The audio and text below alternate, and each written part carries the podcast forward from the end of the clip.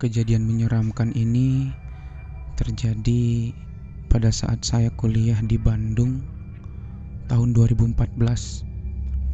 Sekitar enam tahun yang lalu lah. Ini pengalaman teman saya, sebut saja namanya D. Asal Tangerang, tetapi asli Yogyakarta. Orang tuanya asli Yogyakarta, tapi sudah lama tinggal di Tangerang. Dia yang cerita sama saya waktu itu dan saya tanya lagi saking penasarannya waktu itu. Waktu itu saya kuliah di universitas yang bergerak di bidang kedirgantaraan atau teknik penerbangan gitulah.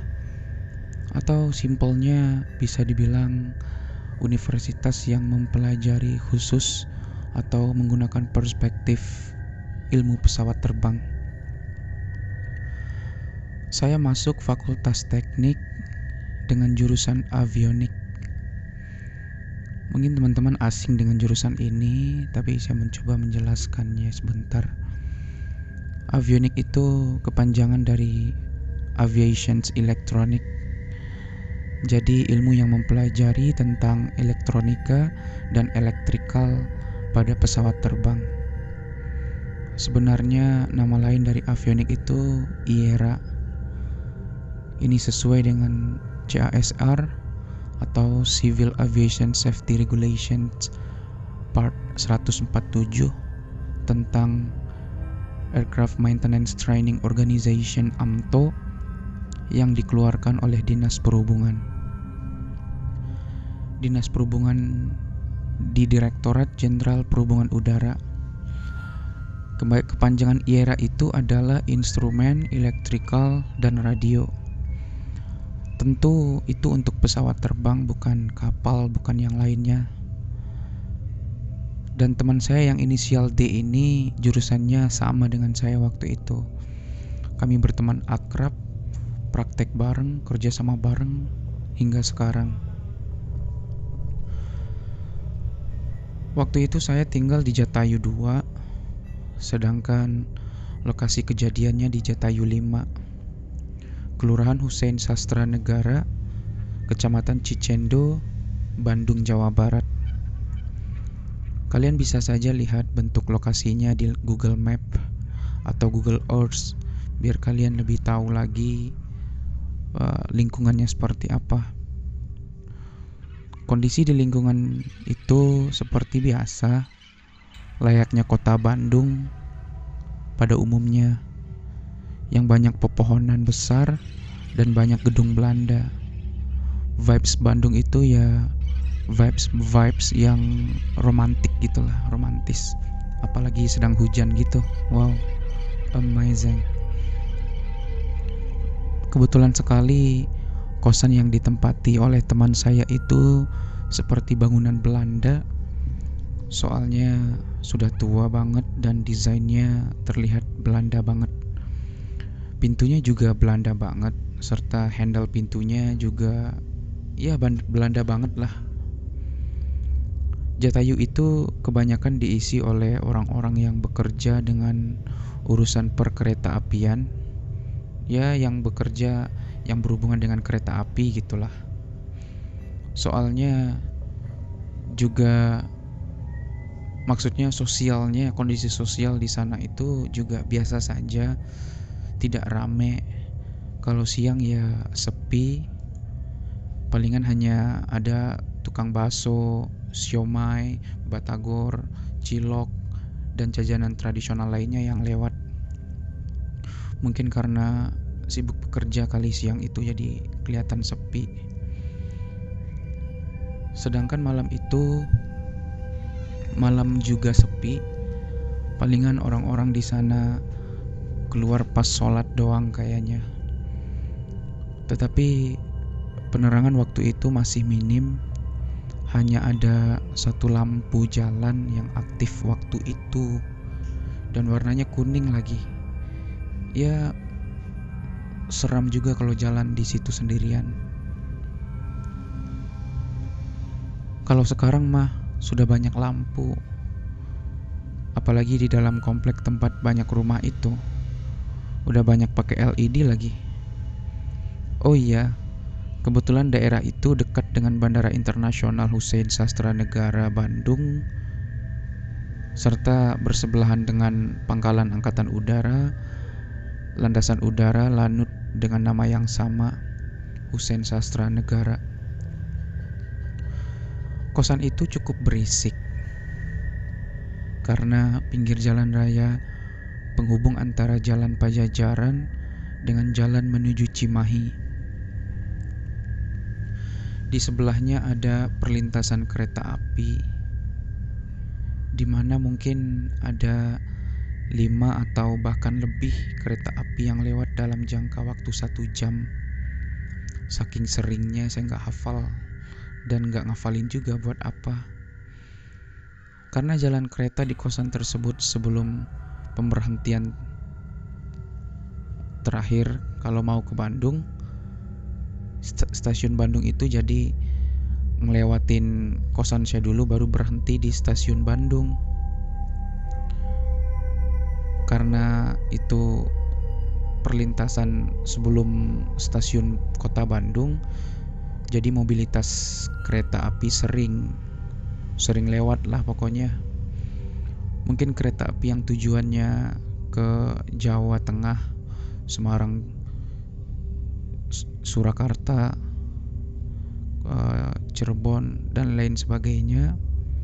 Dan mungkin bisa ke Jogja juga bukan mungkin emang bisa ke Jogja pasti lewat situ. Dan Jawa Timur juga bisa dari sana. Makanya sering ada kereta api di sana. Perlintasan, perlintasan kereta api itu persis di Jalan Maleber namanya. Kalian bisa cek lagi di Google Map kalau mau. Sistem kuliah di tempat kami dengan sistem semi militer sama dengan podcast. Sebelumnya waktu saya masih di SMK juga didikan semi militer. Karena semi militer kami kuliah pakai seragam dan didikannya ala-ala tentara gitu.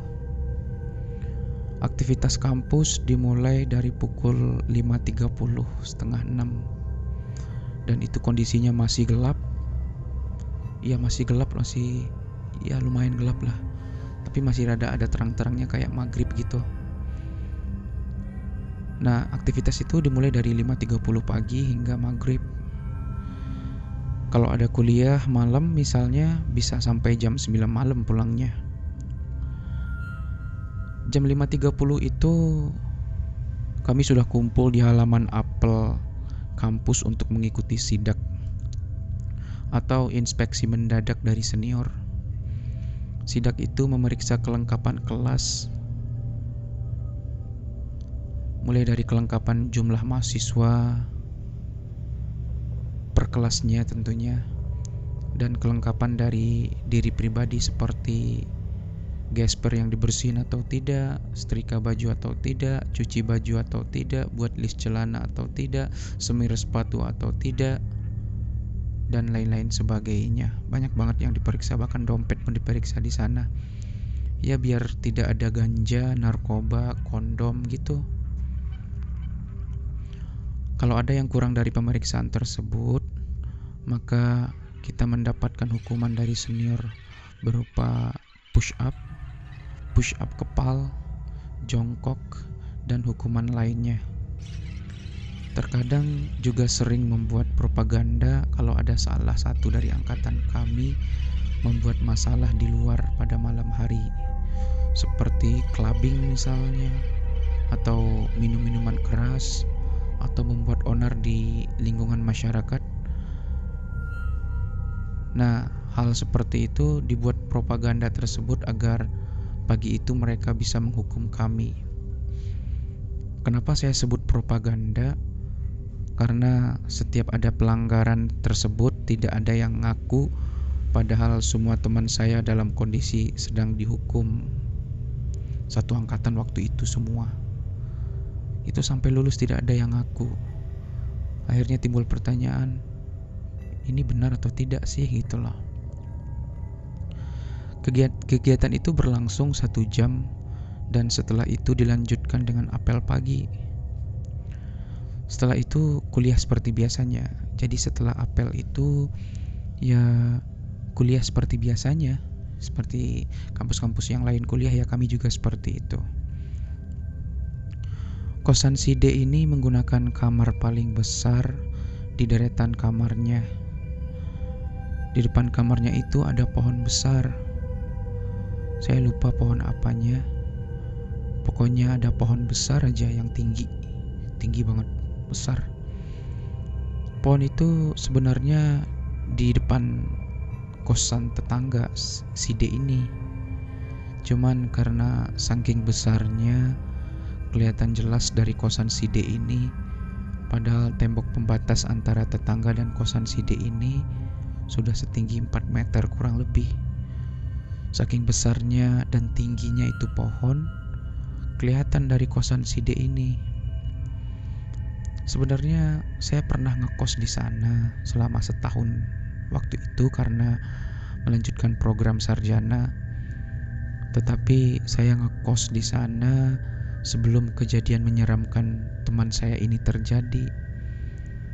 Saya ngekos di sana di tahun 2018 hingga 2019 sebelum coronavirus. Sedangkan kejadiannya itu di tahun 2014. Karena kegiatan kami dimulai pada pagi jam 5.30 membuat kami bangun lebih pagi lagi tentunya karena ya mulainya jam 5.30 kan gak mungkin kita bangun jam 5 karena harus beres-beres jadi gak mungkin saya waktu itu suka bangun pukul 3 sih. Ya ngelakuin bersih-bersih, beres-beres, ritual ibadah dan lain-lain sebagainya. Kalau teman saya yang si D ini saya kurang tahu karena nggak nanya juga pada saat itu karena ya nggak mungkin saya uh, nanya sedetail itu karena saya sudah fokus dengan ceritanya bisa jadi dia itu bangun pukul 4 atau pukul 5. Tapi dari cerita ini nampaknya bangunnya bisa jadi jam 3-an karena cuma dia yang bangun. Yang lain pada tidur semua. Karena dimulainya dini hari dan bangunnya pun dini hari di mana belum ada kereta api yang lewat mobil di jalan raya hanya ada angkot doang. Mungkin mau ke pasar Ciroyom. Ya pasar Ciroyom waktu itu pasar yang everyday 24 jam lagi. Pokoknya kondisi di kosan dan lingkungannya hening pada saat itu. Teman saya si D ini cerita kalau dia bangun dan langsung beres-beres untuk kuliah hari itu.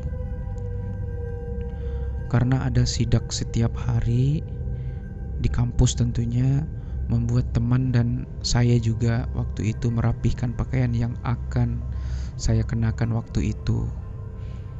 Mulai dari setrika, semir sepatu, braso gesper, BTW braso gesper ini mengkilatkan gesper yang terbuat dari kuningan.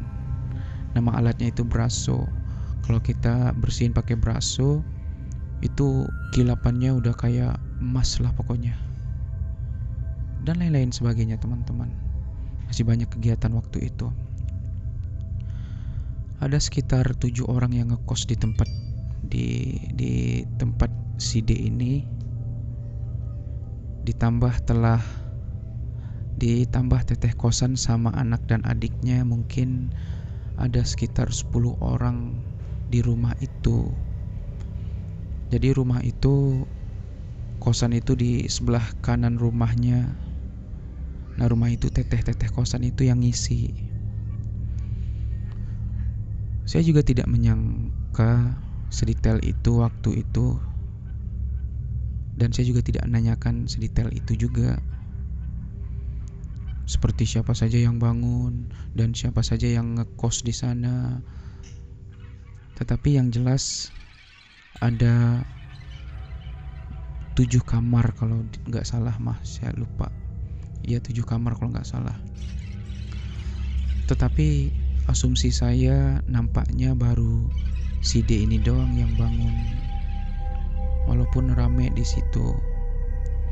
Karena kalau yang bangun udah ramean tentu teman saya yang si D ini belum tentu takut. Karena udah rame.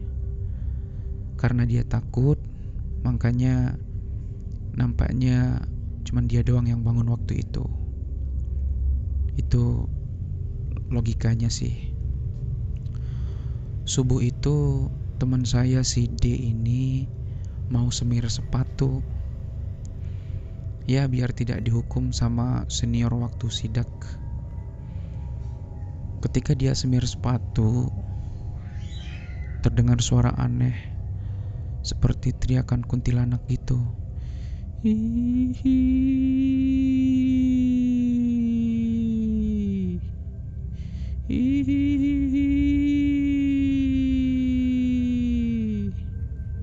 Ya kurang lebih seperti itulah. Saya sebut saja kuntilanak karena setiap film horor yang ada kuntilanaknya suaranya pasti seperti itu. Dan dia menghentikan kegiatan semir sepatu tersebut sambil lihat kiri kanannya. Karena yang terdengar waktu itu ya suaranya doang. Wujudnya nggak kelihatan suaranya doang waktu itu. Jadi dia lihat kiri kanan penasaran mungkin saking penasarannya gitu loh dengan suara itu. Tetapi setelah dia lihat kiri kanan dia tidak melihat apa-apa dan si D ini melanjutkan semir sepatunya. Dan suara jeritan kuntilanak itu terdengar lagi. Akhirnya dia ketakutan dan memilih untuk menunda mandinya saat itu sampai teman-temannya yang lain udah pada bangun baru dia berani dia juga tidak menceritakan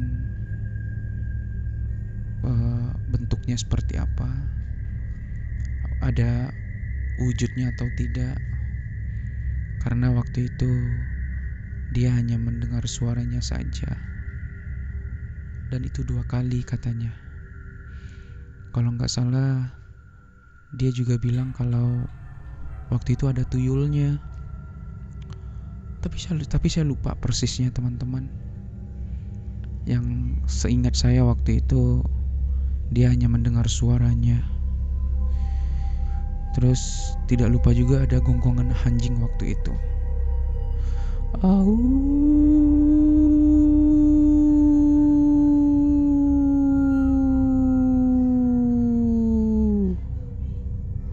Iya, gonggongan anjing seperti dia menjerit kayak ngelihat azab kubur gitu. Itu kata orang kampung waktu itu karena kalau anjing menjerit banyak yang bilang kalau anjing itu melihat azab kubur. Dan saya nggak tahu itu mitos atau fakta tapi nampaknya mitos. Nah kebetulan waktu itu dengarnya seperti itu. Kalau saya yang waktu itu di sana mungkin saya juga takut. Bukan mungkin udah takut kayaknya kalau dengar suara seperti itu sendirian di kamar. Luar biasa. Singkat cerita, dia pergi ke kampus pagi itu untuk sidak dan kerapian. Pada saat itu dia cerita sama saya hal demikian ini. Cerita ini semua diceritain sama dia dan saya banyak nanya waktu itu karena ya penasaran. Soalnya saya belum pernah lihat hantu seperti itu dan belum pernah ngerasain hantu seperti itu. Apalagi dengar suara hantu kuntilanak seperti itu. Saya tidak pernah Makanya saya penasaran. Jadi hati-hati buat kalian yang sedang mendengarkan podcast ini. Mungkin kalian yang mendengarkan sedang di luar rumah, sedang di jalan sendirian, sedang motoran, atau sedang di luar pokoknya jauh dari rumah dan kalian pulang bakal ngelewatin suatu tempat yang gelap.